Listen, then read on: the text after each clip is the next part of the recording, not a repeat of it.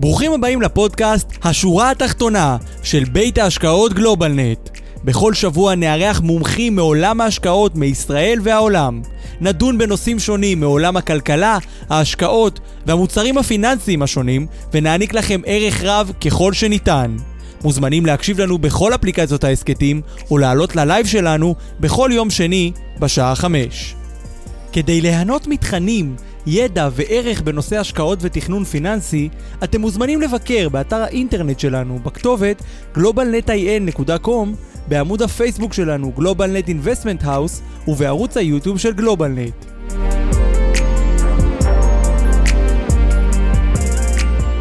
לשורה התחתונה, וובינר ההשקעות של גלובלנט, כיף גדול שכולכם כאן איתנו לפרק נוסף של השורה התחתונה. רגע, אני צריך כרגיל לסגור את היוטיוב, איפה שאני שומע בו פעמיים, את הפייסבוק, כי אנחנו בלייב פה גם בזום וגם בפייסבוק, כמו בכל יום שני בשעה שבע. וכיף גדול שאתם עולים איתנו לפרק נוסף של השורה התחתונה. אז uh, אני כבר רואה הרבה אורחים טובים ומבורכים פה איתנו. הנה, ארי כבר עולה. אילון שואל אם מתחילים, אז הנה, כן, אנחנו מתחילים. עוד רגע אני אציג אותך, ארי, כי זה... יש לנו פה אורח מאוד מאוד מעניין היום. אה, אבל קודם כל, שלום, ברוכים הבאים. אנחנו במתכונת של וובינר, זאת אומרת שאתם רואים אותנו, אבל אנחנו לא רואים אתכם. עדיין אנחנו מזמינים אתכם להשתתף, לשאול שאלות למטה בצ'אט וב-Q&A או בעמוד הפייסבוק שלנו, איפה אנחנו בלייב. אז שלום לכל הצופים הוותיקים והחדשים. אה, רגע לפני שנתחיל, חשוב לי להדגיש כי אין לראות בוובינר הזה כתחליף לייעוץ או שיווק פנסיוני או שיווק השקעות או ייעוץ מס או המלצה בנוגע לכדאיות השקעה במוצר פנסיוני או פיננסי כזה או אחר. אין לראות בוובינר הזמנה או הצעה לביצוע פעולה, המידע הוא לידיעה ואינו מהווה תחליף לייעוץ המתחשב בנתונים ובצרכים של כל אדם וכל משפחה. בשביל זה אני מזמין אתכם להיוועץ עם איש מקצוע שיכול להסתכל ככה על התיק שלכם אה, ולתת לכם עצות או ייעוץ שרלוונטי לכם. אתם מוזמנים גם לפנות אלינו בגלובלנט או לפנות לכל איש מקצוע שאתם מרגישים איתו בנוח. אז שלום וברוכים הבאים לפרק מספר 112. אני אורן דוברי, מנהל השיווק בגלובלנט ישראל, ואנחנו היום נדבר על מניות טכנולוגיה. תקופה מאוד מעניינת, קריסה של מניות הטכנולוגיה. אה, אנחנו אה, אה, נבין מה בדיוק קרה, מה זה אומר, לאן זה הולך, אולי יש עכשיו איזשהו ראלי, איזושהי חזרה, איך הריבית משפיעה, איך האינפלציה משפיעה, אה, ואיפה אנחנו, לאן אנחנו הולכים בשנת 2022 אה, בשוק המניות. אז היום אנחנו נדבר על שוק מניות הטכנולוגיה, אולי לא רק ציבורי, גם פרטי, אבל בגדול, פרק מספר 112, שוק אה, המניות הטכנולוגיה, לאן? האם זה הסוף או רק ההתחלה? אז זה הפרק שלנו להיום. רגע, אני מנסה לפתוח את הפרקים של המשך החודש, אז בהמשך אני אה, אציג לכם אה, מה יש לנו אה, במהלך יולי. הנה, פתחתי את זה. אז ביולי אנחנו נארח כאן את עורך דין רואה חשבון אוהד בוגנים בשני פרקים, גם ברביעי ליולי וגם ב-25 ליולי, על ההטבות והמיסים שלא הכרתם. אנחנו נדבר גם על העברת עושר בין-דורית, נדבר גם על אה, מיסוי בנדל"ן מכל הסוגים. מניות נדל"ן, נדל"ן בישראל, בית שני, נדל"ן בחו"ל, קרנות נדל"ן. מה אנחנו צריכים לדעת בכל מה שקשור לנדל"ן ומיסים. אה, אנחנו גם נדבר, נעשה פה ניתוח של שוק האשראי אה, במהלך יולי. אנחנו נציג כאן את היתרונות של החברה החדשה, השקה של חברת גלובלנט גמל, יחד עם המנכ"ל טדי לין. ובסוף החודש אנחנו גם נהיה פה בפרק מיוחד מבריטניה, פעם נוספת. אני, אוהד, דני, כולנו נהיה בבריטניה, ונדבר על אה, איך הממשלה מגנה בפני משקיעים אה, מהאינפלציה. מאוד מאוד מעניין ומרתק.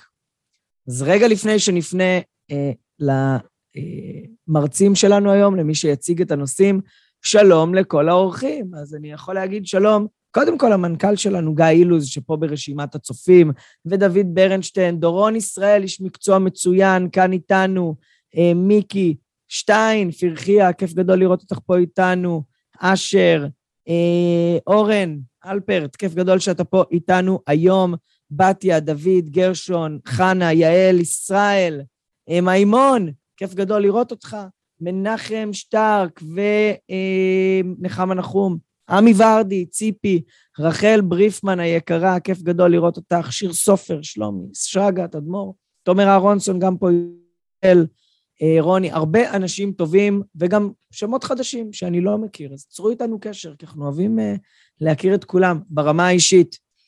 Uh, טוב, בואו ניכנס לפרק של היום. אני אתחיל דווקא עם אוהד. אוהד, בוא תעלה אלינו, מה העניינים? מצוין, ערב טוב, מה שלומכם? בסדר גמור. מה שלומך? מצוין, כרגיל, תודה רבה. אז אה, אוהד, אתם מכירים את אוהד טוב, יושב הראש שלנו פה בהרבה מאוד מהפרקים, נותן את האנליזה שלו, אה, אבל היום יש לנו אורח מאוד מיוחד. אה, נכון, היום אנחנו... בבקשה, אתה, קדימה. אני, אני, קודם כל, זה אירוח בהפתעה. נכון. איתנו פה היום אחד האנשים המרתקים שהצטרף אלינו לאחרונה לוועדות ההשקעה, דוקטור ארי אה, אחיעז, אה, מרצה למימון ופינטקט באוניברסיטת רייכמן ותל אביב, ניהל את יחידת המחקר בחברות, באחת מחברות הביטוח הגדולות בישראל בעבר, שנים רבות בעולם האנליזה, וחבר בוועדת ההשקעות של גלובלנט, בין היתר. ואני יודע שככה היום בבוקר, אוהד וארי היו בשיחה, שיחת עבודה, ואוהד סיפר לו שהוא מתארח אה, בשוק המניות, והתפתחה שיחה, ואוהד פשוט אמר לו, בוא תעלה היום לוובינר, כי זו הזדמנות מרתקת. אז אה, שלום, ארי, מה העניינים? מדויק, מדויק. טוב אורן, ערב טוב אוהד ולכל המשתתפים. אה, אז כיף גדול שאתה פה איתנו. אוהד, מכאן זו שיחה של לך ושל ארי. חברים, למטה יש צ'אט ו-Q&A, הכה את המומחה, תהנו מ-55 הדקות הבאות. קודם כל, אורן, תודה רבה. אז אכן, אה, ארי אדם אה, מרתק, אני מכיר אותו הרבה מאוד שנים, עוד שישבנו באותו חדר, באותו, אה, באותה חברת ביטוח שארי ניהל את מחלקת המחקר שם, אז אנחנו הולכים הרבה מאוד אחורה, באמת אחד מהאנשים המבינים ביותר שאני מכיר בתחום הזה, עם, עם יכולות ניתוח שתמיד הדהימו אותי. אה, וכמו שאמרתי לך, ארי, זה כבר נושא שדיברנו עליו בעבר, בפברואר אה, היה וובינר, אני אה, בעצם דיברתי הרבה האם יש בועה בשוק ההייטק, אני טענתי שכמובן המחירים לא ריאליים, לפחות אז, הרחק הרחק לפני מספר חודשים בפברואר, כמה עברנו מאז, אבל השורה התחתונה שלי הייתה שענף ההייטק, בטח בשנים האחרונות, הוא ענף אה, אה, במחירים אה, בועתיים, וכמובן שהפרדתי בין חברות הערך וחברות הצמיחה.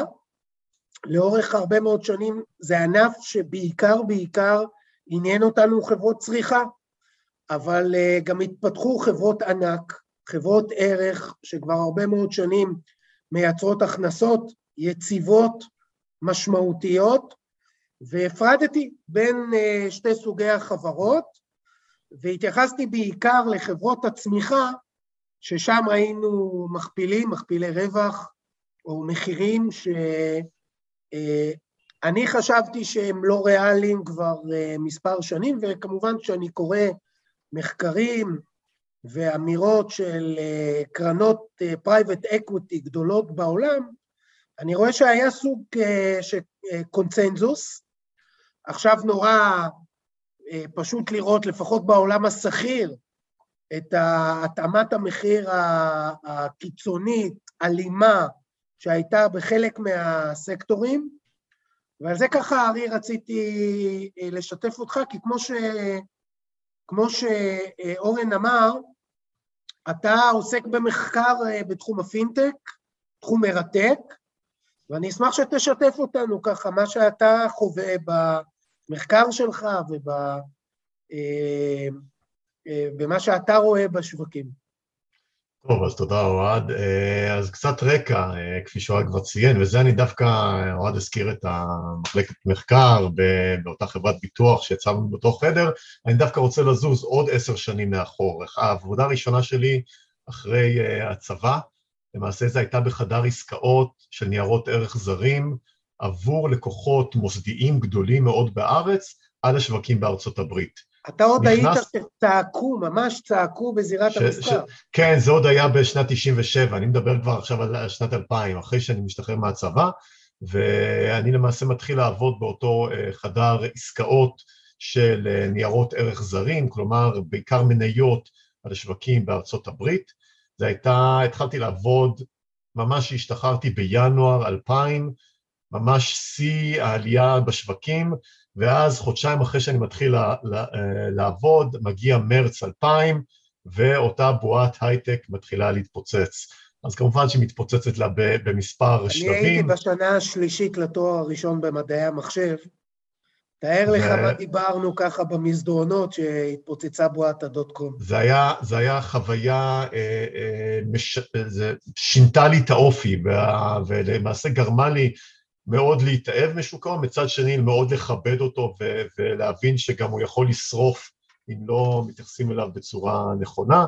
אז באמת עבדנו עבור לקוחות הכי גדולים, הכי מקצועיים בארץ, ואני גם מספר את זה תמיד לסטודנטים שלי. אה, את שוק ההון אפשר באמת ללמוד אחרי שרואים אנשים שלקחו יותר מדי סיכון, הפסידו וממש מגיעים כמעט לסף דמעות. אנחנו מנסים לבוא ולהימנע מהאזורים האלה, והדרך להימנע מהאזורים האלה זה פשוט לדעת שהם יכולים להגיע, והמטרה זה כל הזמן לנתח את הסיכונים, להבין את המצב הנוכחי ולנסות לראות האם אנחנו באמת באיזה סוג של מצב קטסטרופלי שלא יוצאים ממנו, או צריכים לשקול בצורה נכונה מתי כבר נוצרת ההזדמנות אה, בירידה בשווקים. ובאמת מה שאני רוצה להתמקד במספר אה, אה, ככה שקפים שזרקתי, מספר גרפים ככה על, על, השקפ, על, על, על המצגת, לנסות לבוא ולהבין האם המצב שלנו עכשיו הוא דומה או זהה לאותה התפוצצות בועת הדוט קום, כי אני בראש של אוהד לחלוטין שהמחירים עד לפני חצי שנה היו באמת מחירים גבוהים, היו המון המון סימנים לכך שאנחנו מגיעים כבר להתחממות יתר. גבוהים עד בועתיים, כן? לא גבוהים בצורה קיצונית. לגמרי, והאם אנחנו מגיעים להתחממות יתר? עכשיו, אחרי שהשווקים ירדו כבר בכמה עשרות אחוזים, 25, 30, תלוי, איפה, תלוי ממתי, עד, עד מתי מודדים את זה, אבל ברגע שאנחנו מסתכלים על זה, עכשיו יותר השאלה המעניינת זה לשאול, זה האם אנחנו נכנסים באמת לאותה בועת הדוט קום, שהייתה לפני בערך 20 שנה, 22 שנה, אה, או שמדובר באיזה סוג של תיקון, שוק, אה, אה, שוק שורי, שוק בריש, שאומר שאנחנו בירידה ותיקון של המחירים, אבל לא מדובר בקטסטרופה. ו, ואני רוצה לבוא ולהציג לכם כמה דברים שאולי אומרים שזה דומה, וכמה דברים שאולי אומר שאולי יש כמה דברים ששונים מאשר אותה בועת דוט קום. אז אתה יכול לעבור? אז קצת, אז באמת, בועת הדוט קום, אה, אני רוצה לבוא ולהציג לכם את הנסדק. אז הנסדק, אה, הנסדק קומפוזיט יותר נכון, הנסדק שהוא לא רק 100 מניות, אלא למעשה כל המספר אלפי מניות בודד שנמצא אה, באותו נסדק, בעיקר מכיל חברות טכנולוגיה מובילות מהגדולות בעולם. אם מסתכלים על אותה בועת הדוט קום, אז משנת 1995 עד מרץ 2000, המדד עלה בכ-400 אחוזים, למעשה יכולים לבוא ולראות... אנחנו רואים את העלייה הקיצונית בכמה שנים, אה, בכמה חודשים בודדים, כן? בדיוק את האזור הזה, את האזור של העלייה באזורים האלה, שם באמת הייתה העלייה אה, אה, המשמעותית, וכאן מגיעים למרץ 2000, ואז שנקרא משחררים אווירים כלפי מטה ומתחילים לצלול. אז, uh, אז התחילה ירידה חדה, הירידה uh, התחילה הרבה בגלל נגיד הבנק המרכזי באותו זמן, בן ברננקה, שבא ואמר שיש, הוא קרא לזה irrational exuberance, כלומר התלהבות חסרת, אה, חסרת רסן, נקרא לה, שהשווקים הבינו שזהו, הוא לא מאמין, ואז זה סוג של התחיל להידרדר, היו ירידות משמעותיות, אה, מה שהמשיך גם, יכול ללחוץ, למעשה היה הנסדק במהלך שנתיים וחצי מהנקודה הזו עד הנקודה הזו, ירד בכ-78 אחוזים, מהכי גבוה לרמה הכי נמוכה. קשה, קשה לדמיין את המספר, אנחנו רואים את זה עכשיו, תכף תגיד בטח כמה דברים על הבלוקצ'יין, על, ה, על העולם הזה, אבל זה באמת דמיוני לחשוב מחיקה של 78 אחוז מערך ההחזקה בסוג המניות האלה, מניות האינטרנט, מה שאנחנו קוראים, מניות החלום שהיו אז.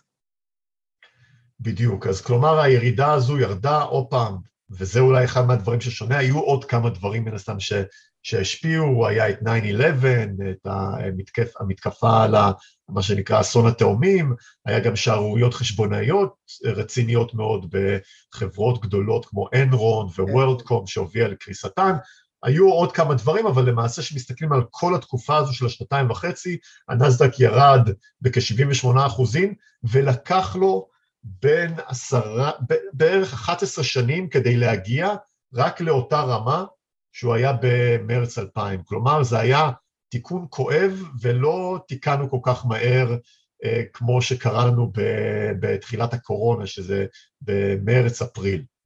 אבל אותן חברות שחוו את, אותה, את אותו משבר, סוג אה, חברות האינטרנט שהתחזקו מאוד מאוד מאוד מאז, היום אנחנו מדברים על מה שנקרא טכנולוגיה ישנה, זה, זה לגמרי מה שנקרא מודל 2000, אה, והיום אנחנו רואים את אה, חברות הערך הגדולות, זה החברות ששרדו את אותם משברים.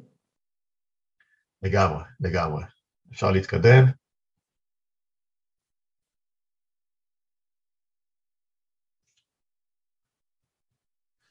טוב, אז אני רוצה לבוא ולעבור איתכם על מספר שקפים למה זה דומה לבועת הדוט קום ולמה זה שונה. אז בואו נתחיל בדומה, במספר הדברים שמזכירים את אותה אה, בועת הדוט קום. אז מה שאתם רואים פה זה שאנחנו למעשה נמצאים בשנים 2020 ו-2021 בשיא גל ההנפקות הגדול ביותר מאז בועת הדוט קום. אז אנחנו יכולים לבוא ולראות פה, הקו הכתום מראה שאנחנו מבחינת היקף הגיוס מגיעים בערך לאותה, לאותה רמה. בסדר? כלומר, אנחנו uh, נמצאים באותה רמה. יש עוד מדד לכמה השוק לוהט. יש מה שנקרא underpricing, קפיצת מחיר ביום הראשון. יש תופעה מרתקת שקיימת בארצות הברית, אבל כמעט בכל מקום בעולם, גם בישראל, שחברות חדשות שמנפיקות, המחיר ביום הראשון שלהם קופץ בעשרות אחוזים. בעשרות אחוזים אנחנו יכולים לבוא ולראות שזה העמודות הכחולות, זה ה-first day return מה שנקרא, יכולים לבוא ולראות שבממוצע בשנים 99 ו-2000 עד לפני ההתרסקות, החברות היו קופצות בערך 50-60 אחוז ביום המסחר הראשון, על יום אחד, בסדר? שימו לב שב-2020 וגם ב-2021 התחלנו להתקרב לרמות האלה, כלומר ב-2020 החברות שהנפיקו בממוצע קפצו ב-40 אחוז ביום הראשון. זה מסביר קצת את אותה היקף, היקף ריצה לאותן חברות חדשות שמנפיקות. הסיפור פה גם, צריך לומר, שגם היו הנפקות של סכומים שחלק מהחברות לא צריכות אותם. כלומר, הנפיקו כי אפשר, במחירים דמיוניים, על מה שנקרא חלומות, כמו שהיה בדיוק בשנת, uh, בשנת 2000, ו, ובאמת עכשיו רואים את ההתרסקות לקרקע, uh, לקרקע המציאות, שבאמת הערכים שדרשו, היה כל כך הרבה כסף, זה גם עוד נקודה, כל כך הרבה כסף שזרם אמ, עד כדי שחברות אה, פשוט ראיינו משקיעים. למה אתה כמשקיע, כדאי לי לקחת את הכסף שלך, ולא כסף, אני מדבר על חברות פרטיות, לאו דווקא ציבוריות, אתה פה מראה את הציבוריות, אבל uh, בחברות פרטיות פשוט ראיינו משקיעים, למה לי לקחת אותך? כסף יש הרי למכביר, איך אתה תעזור לעסק שלי לצמוח? וזה בדיוק סממנים שדומים למה שהיה אז. בדיוק, אז אותה קפיצת מחיר, אמרתי שבתוך העשר קפיצות מחיר או קפיצות שווי הכי גדולות שהיו אי פעם בהיסטוריה, חמש היו בשנת 2020 ו-2021, בשנים האלה. כלומר, שתבינו כמה השוק היה לוהט והכניס המון המון שווי, שזה לא שהחברות, כמו שאמרת, החברות הנפיקו כבר בשווי גבוה, ואז בממוצע זה צומח בעוד איזה בין 50 ל-100 ו-150 אחוז, רק ביום מסחר אחד. זה בדיוק ה... אותו חלום שאנחנו מדברים עליו, שלרוב לא ריאלי. בדיוק. אז בנוסף להנפקות הרגילות גם נוצר, עוד פעם, נוצר מנגנון שקיים כבר הרבה שנים, אבל בשנים 2020 ו-2021 הוא הפך להיות מאוד מאוד פופולרי, אני אזכיר אותו בהמשך.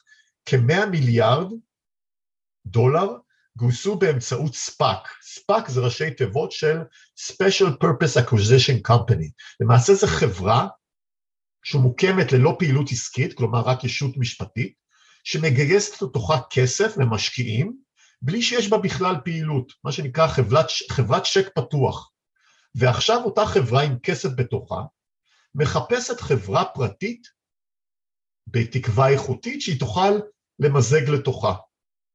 כלומר, למעשה זה גיוס לחברה לפני שבכלל יש פעילות לחברה. שלנו זה נשמע ב, לפעמים באופן, אה, זה נשמע כמו איזה טירוף, למה ש...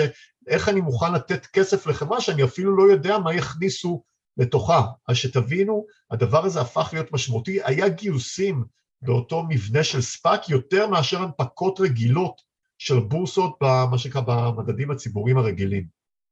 זה, זה, דרך אגב, כמעט כל משבר, אנחנו רואים שלפניו התפתחו כל מיני הכלאות פיננסיות כאלה ואחרות, שעם, עם איזשהו רציונל אה, מאוד אה, הגיוני, אבל איזשהו תעלול פיננסי ש...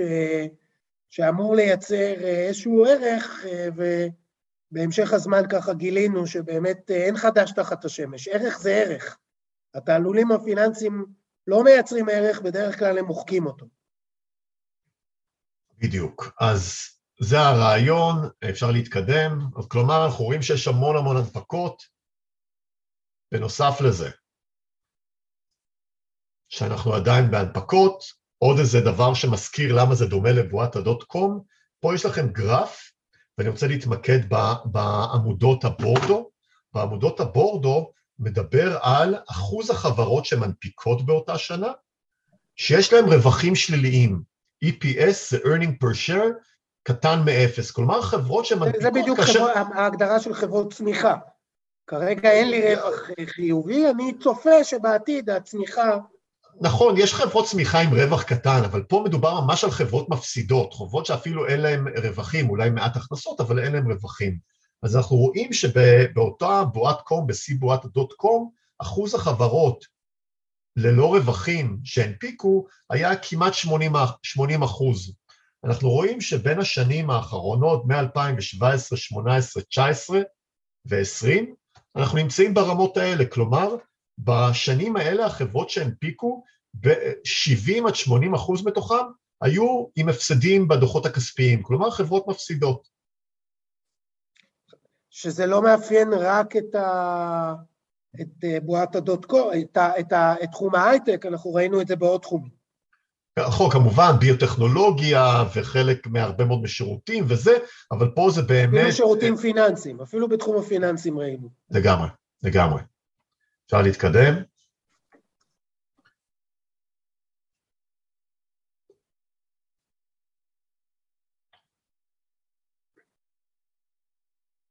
אז אה,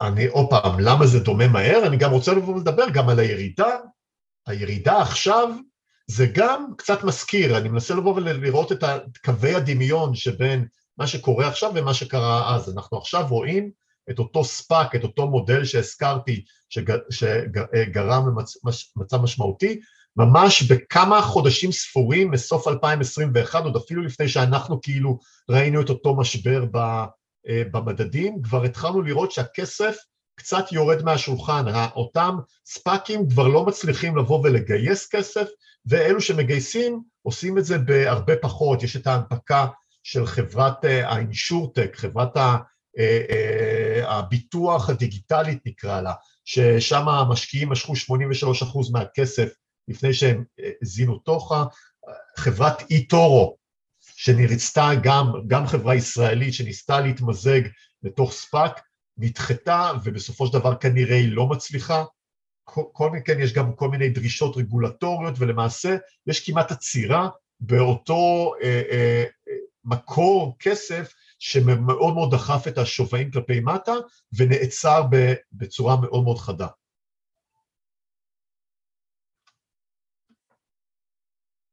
אני רוצה לבוא ולהגיד שאנחנו כאילו חושבים, בראש שלנו, אנחנו כבר, מי שחווה גם את השוק כבר יודע ששוק כבר יורד מספר חודשים טובים.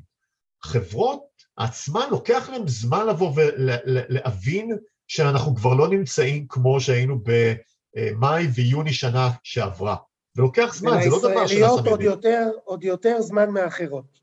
בדיוק, לוקח זמן, לרוב המנהלים ובעלי המניות של אותן חברות, בראש הם עדיין לפי המחירים של השנה שעברה, הגיוסים של השנה שעברה, המסיבות, אותן מסיבות אה, של חברות הסטארט-אפ של השנה הקודמת, ולוקח זמן לבוא ולהטמיע את זה. אנחנו רואים שברבעון הראשון של השנה, זה מדו, פה זה מידע מחברה בשם לגון, זו חברה שאני יועץ שלה, חברה שאוספת דאטה אלטרנטיבי, כלומר מקורות מידע אלטרנטיביים על חברות פרטיות וציבוריות לצרכי השקעה. אז אותה חברה אספה נתונים על כמות המשרות שהחברות האלו מפרסמות בכל מיני אתרים. בסדר, החברות האלו מפרסמות, אה, אה, מפרסמות כל מיני אה, משרות פתוחות בעסק שלהם. ראינו גם מה קרה לשכר הממוצע בענף הזה, שבשנה האחרונה קפץ לגבהים מטורפים. אז היה טירוף, כולם רדפו. רואים פה שבשלושה חודשים הראשונים של השנה, בחברות unicorn ישראליות, בסדר? זה אותן חברות, אה, אותן וויקס שאנחנו מכירים, Wix ו ironSource וכדומה, היו עסקים כרגיל, כך גם אה, באותן חברות פרטיות וציבוריות בארצות הברית. כלומר, בשלושה חודשים הראשונים הם אפילו עוד הגדילו קצת את כמות המשרות הדרושים.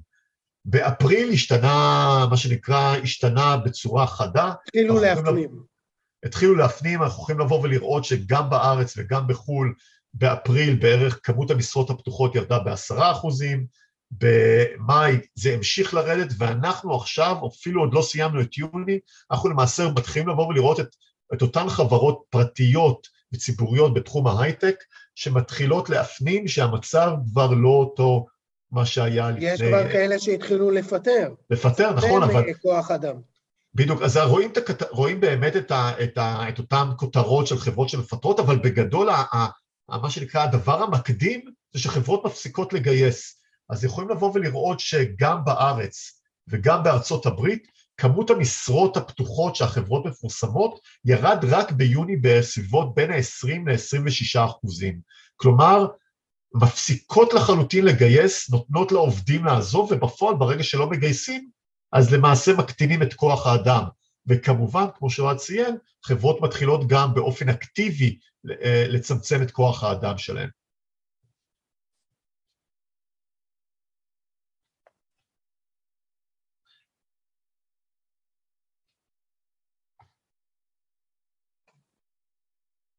טוב, עדיין אנחנו, מדוע זה עדיין דומה לבועת הדוט קום? לא לבאס אתכם, אני כבר בשקף הבא כבר מנסה לבוא ולהראות למה אולי יש לנו משהו מעט שונה. אז פה אנחנו יכולים לבוא ולראות את המכפיל הרווח של החברות בנסדק, כן? בחברות הנסדק. אז אה, הנסדק ירד בשנה, בחצי שנה האחרונה בכ... 25 אחוזים, תלוי באיזה יום, יום מודדים, זה, קצת, זה ירד הרבה, קצת תיקן וכדומה. מה שאנחנו רואים פה זה מה זה היה לאורך 20 שנה.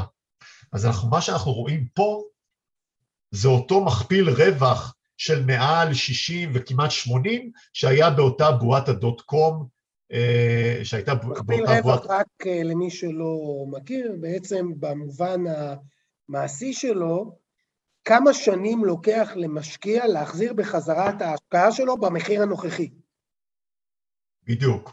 ואפשר גם להסתכל על זה למעשה כשווי החברה, כחלקי שווי, חלקי הרווחים של החברה. כלומר, האם החברה מצליחה לייצר מספיק רווחים כדי להצדיק את שוויה. מה שלרוב אומרים שאם המכפיל רווח גבוה מדי, חברות באופן יחסי לרווחים שלהם הן מה שנקרא מתומחרות ביתר, גבוה מדי, ואם מכפיל הרווח נמוך, זה אומר שיש פה הזדמנות שהן פוטנציאלית, הן בתמחור חסר שאולי כדאי לרכוש אותן. אז מה שאנחנו רואים, החל באמת מהשנים האחרונות, אפשר לבוא ולראות שיש ירידה במכפיל הרווח, כמובן שאנחנו מדברים על המשבר האחרון, זה החלק הזה, אנחנו יכולים לבוא ולראות שיש ירידה במכפיל הרווח אה, אה, בחצי שנה האחרונה, אפילו ירידה משמעותית נקרא לזה, אבל כפי שאנחנו רואים, קשה לבוא ולהגיד שאנחנו נמצאים בטריטוריה שכבר מכפיל הרווח, שהוא אינדיקציה לשווי, זה לא הדבר היחיד שצריכים לעשות ממנו, אבל מכפיל הרווח הזה, הוא נמצא באזורים די ממוצעים, למעשה הקו הלבן הזה זה הממוצע של 20, השנה, 20 השנים האחרונות. אז אנחנו נמצאים די בממוצע, לא בתמחור יתר ולא בתמחור חסר. אני מאוד מאוד קשה לבוא ולהגיד שאנחנו נמצאים באזורים האלה באזורים הנמוכים האלה, שזה מתאר את התקופות שלמעשה אותן חברות טכנולוגיה בנסדק היו מה שנקרא בקנייה חזקה, מאוד מאוד זולות באופן יחסי בדיוק.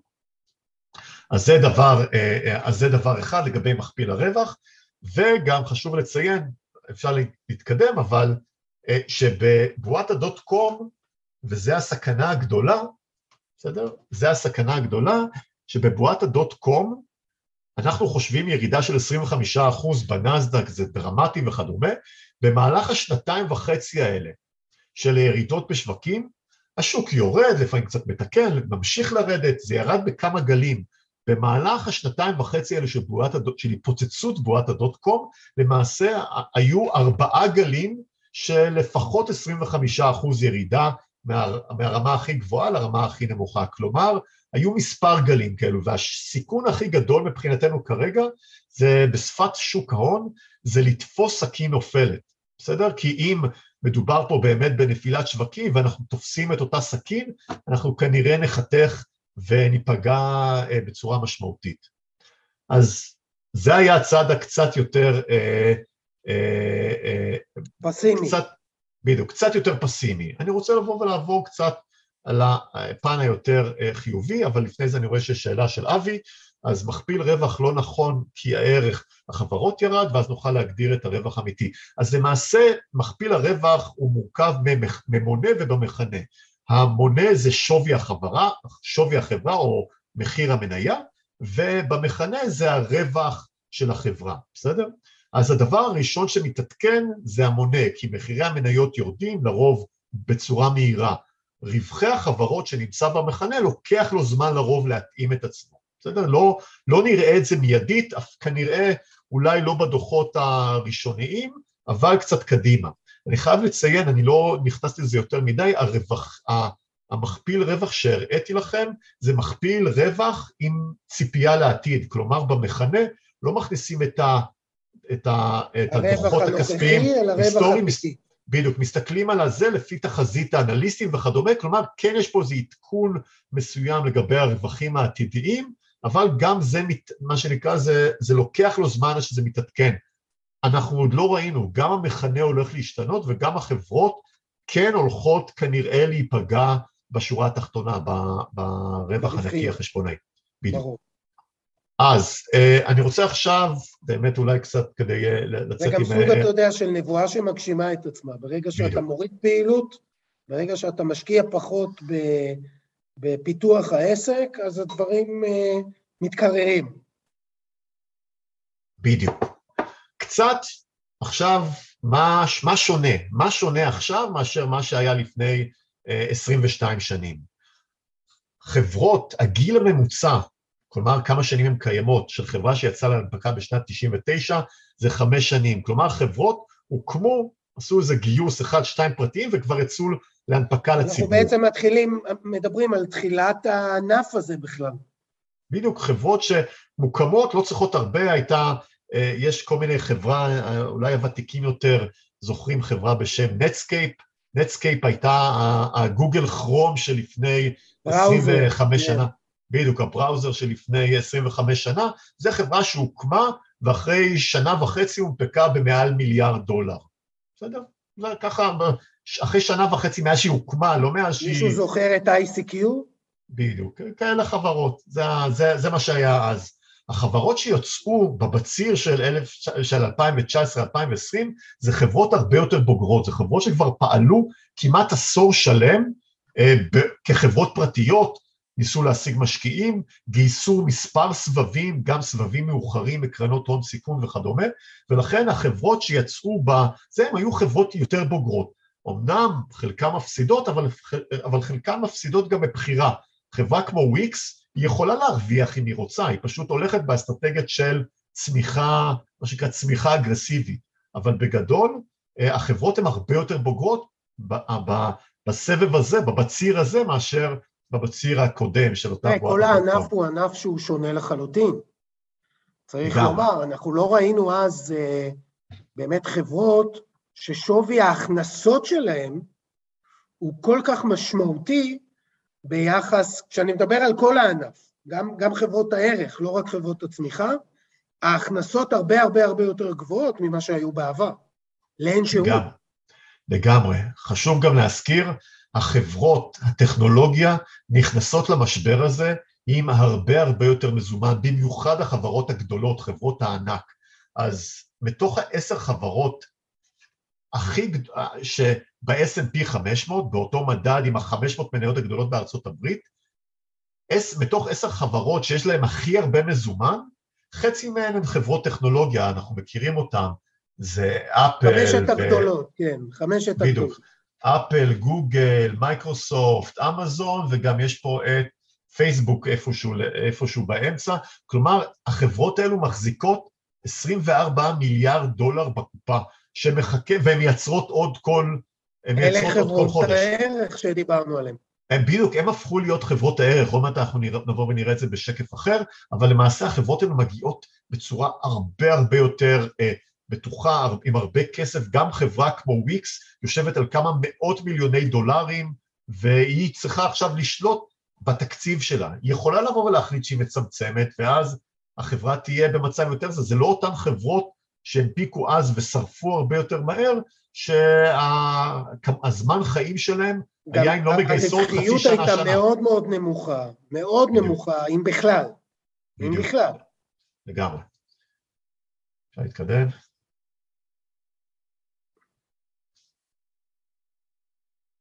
אז אה, עוד סיבה למה זה לא כל כך דומה לבועת הדוט קום של אה, שנת 2000, אז אה, יש הרבה מאוד השקעות שהן מחכות מאחורי הפינה, בסדר?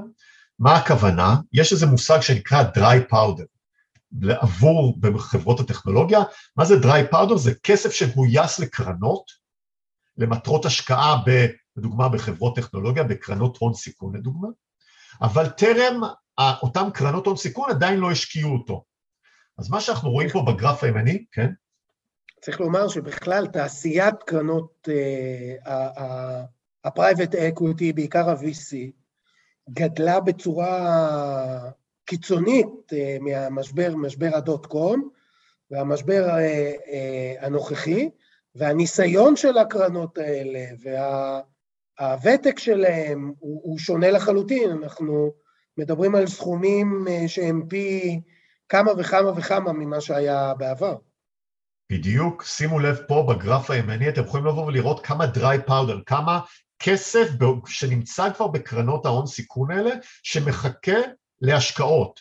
אז אנחנו נמצאים ברמות של כמעט חצי טריליון דולר, כסף שיושב בקרנות האלה ומחכה להשקעה. אז כמובן שכולם אומרות שהן עכשיו קצת מאיטות את הקצב והן נזהרות וכדומה, אבל תזכרו, יש שם כסף, הכסף הזה בשנה, שנתיים הקרובות הולך להיכנס מתישהו חזרה לחברות הפרטיות, שהולך להשפיע על השווים של החברות הציבוריות, וכן הלאה וכן הלאה. דרך אגב, מאיטות את הקצב, אני, אני לא בטוח שמאיטות את הכסף, כי אם, אם אתה מסתכל, אתה רואה שלישראל בשבועות האחרונים ובשבועות הקרובים הולכים להגיע הקרנות הגדולות בעולם, שלא הגיעו לפני, פתאום עכשיו מאוד מעניין אותם לבחון, מאוד מעניין אותם להיות יותר אקטיביים ממה שהם היו שנה שעברה. זה מה שדיברנו עליה. האמירה הזו של להיות סלקטיבי ולהשקיע פחות, אני לא קונה אותה. לדעתי הם ישקיעו הרבה יותר, רק במחירים שמתאימים להם הרבה יותר. בדיוק. מבחינתם זה הזדמנות. עבורם, זה תקופה של קונה ולא של מוכר. בדיוק. עכשיו, עכשיו, כמו שאמרת, עכשיו הן מראיינות את הסטארט-אפים ולא הפוך. ולא הפוך, בדיוק. בדיוק. אותו דבר, אה, הזכרתי את הספאק, אותו כסף שנזרק לחברות, לאותן חברות צ'ק פתוח ש, אה, שגויסו ב-2021, אז ב-2021, שזה היה שיא באמת היקף הגיוסים לחברות ספאק, יש במודל הזה אה, אה, שעון, שעון עצר. השעון הזה בא ואומר, תוך 24 שנתיים. חודשים, שנתיים, 24 חודשים מיום הגיוס, חייבים לבוא ולהשקיע את הכסף. כלומר, אם אותו גוף, אותם מה שנקרא ספונסרים, יזמים של הספאק, שגייסו את הכסף, שהם לא מצליחים למצוא חברה מתאימה במהלך השנתיים האלו, הם למעשה צריכים לבוא ולהחזיר את הכסף למשקיעים, והתמריץ שלהם זה כן לבוא ולהכניס את הכסף לשווקים. לחברות האלה מהבציר של 2021, יש עד בערך אמצע 2023 לבוא ולהכניס עוד כמעט 100, מיל, 100 מיליארד דולר. אנחנו מדברים על כספים אדירים, צריך לומר, אנחנו מדברים על סכומים שלעולם לא היו ב, ב, לסקשן הזה, לתחומים האלה, וזה משפיע מאוד. לגמרי. אפשר להתקדם. דיברנו קצת על אה, אה, שווים, בסדר? אז כמובן יש עדיין חברות, זה נלקח לאחרונה, מנתונים של בלומברג, אומנם אה, יש עדיין חברות עם מכפיל רווח, שאותו הזכרנו מאוד מאוד גבוה, כגון טסלה ואמזון, מצד שני גם הצמיחה שלהם יפה, זה אולי אה, זמן אה, לשיעור אה, מימון אחר, אבל אפשר לבוא ולראות הרבה מאוד חברות, הרי ברגע שהשוק יורד, כולם נרטבים, כולל החברות שלא בהכרח מצדיק שי, שירד בהם זה. אז אני לא בא ואומר שהחברות שאני אציין עוד משהו הן זולות והן ישר צריכות לעלות, אבל אפשר לבוא ולראות כל מיני חברות שמתחילות להיות uh, מעניינות. אז חברה גוגל, כולם מכירים אותה כחברת טכנולוגיה, חברת צמיחה וכדומה, אפשר לבוא ולראות שמכפיל הרווח של גוגל הוא סביב ה-18, כאשר יש חברות עם מכפיל רווח גבוה יותר, כגון פרוקטר אנד גמבל, כגון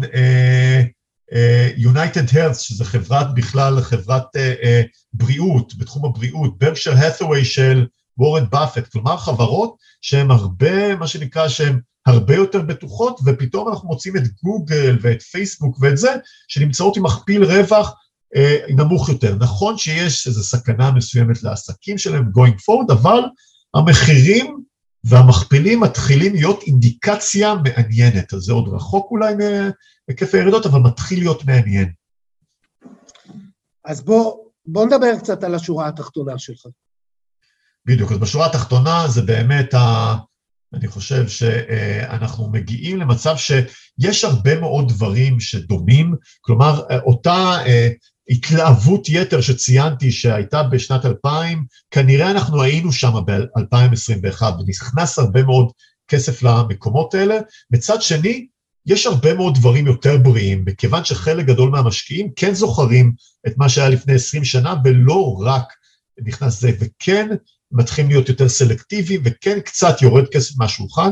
אז בהרגשה האישית שלי, ופה זה יכול להיות גם קצת, אה, מה שנקרא, מידע צופה פני העתיד, או דברים כאלה, הרגשה שלי שאנחנו עוד רחוקים מה, מהיקף הירידות, כי יש עדיין הרבה מאוד דברים לא טובים בשווקים שצריכים להתנקות, אין לנו זמן לדבר על זה, אבל יש פה לדוגמה את שוק, ה, שוק המטבעות הקריפטוגרפיים, המטבעות הווירטואליים. אנחנו נייחד לזה מפגש אה, מיוחד. לג... לגמרי אפשר לדבר על זה, יש עוד הרבה מאוד דברים שצריכים להתנקות מהשווקים וכדומה, אבל uh, ברגע שזה יתנקה, ויכול להיות שזה ייקח לזה מספר חודשים, חצי שנה וכדומה, יש פה הרבה מאוד כסף, חברות מגיעות הרבה יותר בוגרות, הרבה יותר חכמות, ויש פה פוטנציאל די גדול להמשך, לחזרת עליות, אבל כפי שאמרתי, אחרי שהתנקו הרבה מאוד דברים מהשווקים. ככה זה לפחות בתחושה האישית שלי, וגם חלק מה, נקרא לזה, מהנתונים תומכים בזה.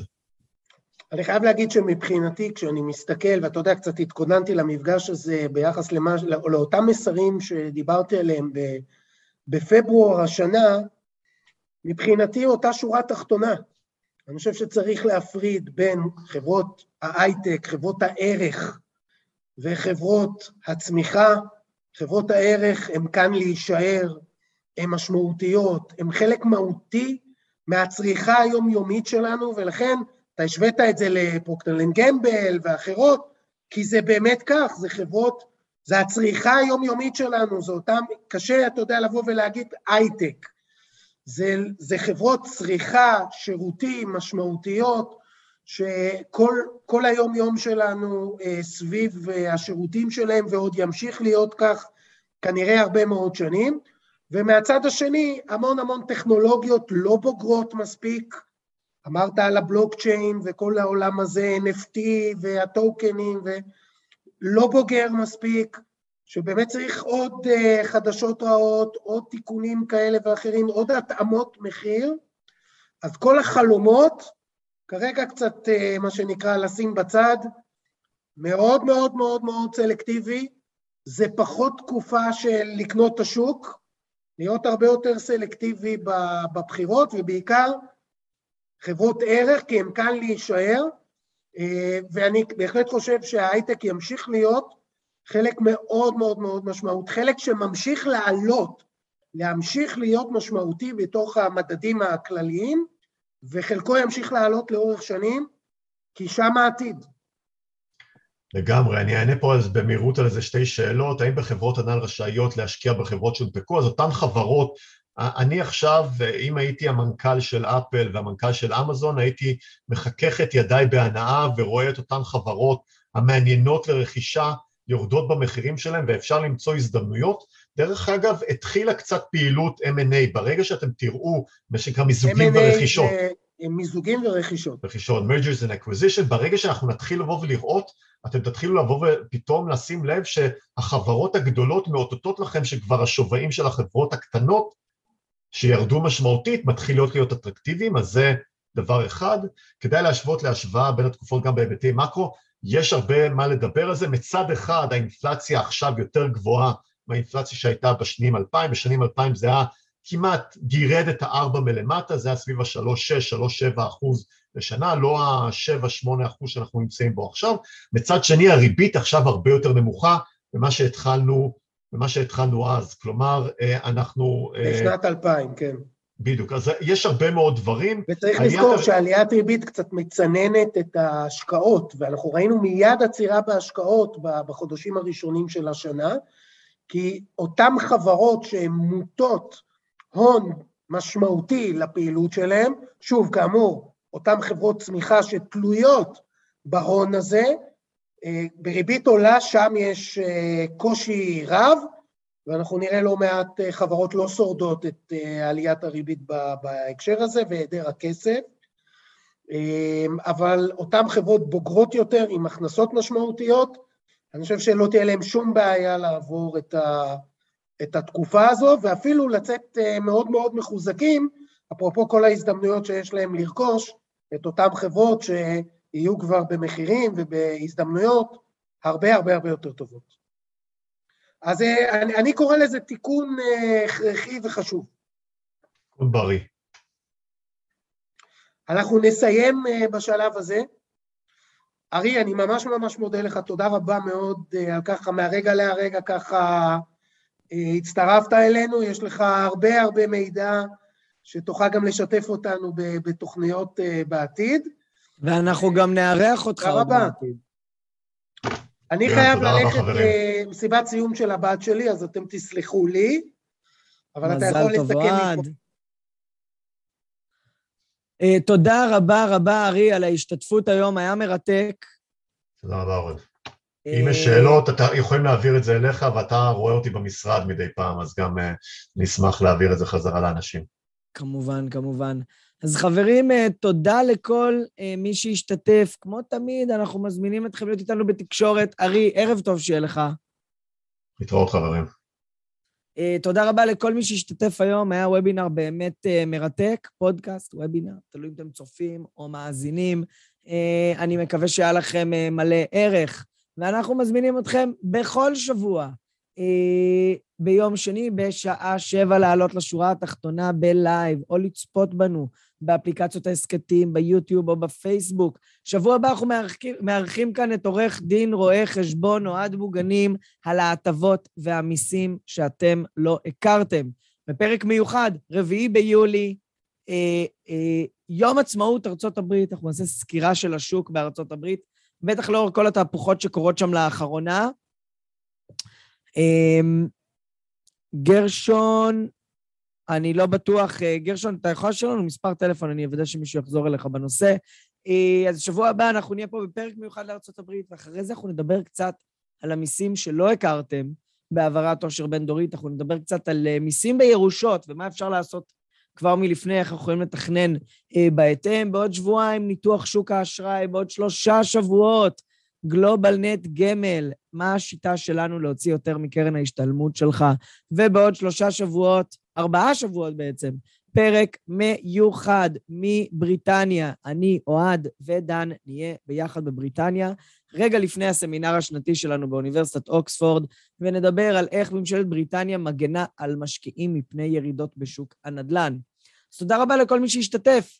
אני מקווה שנתראה בפרק הבא של השורה התחתונה.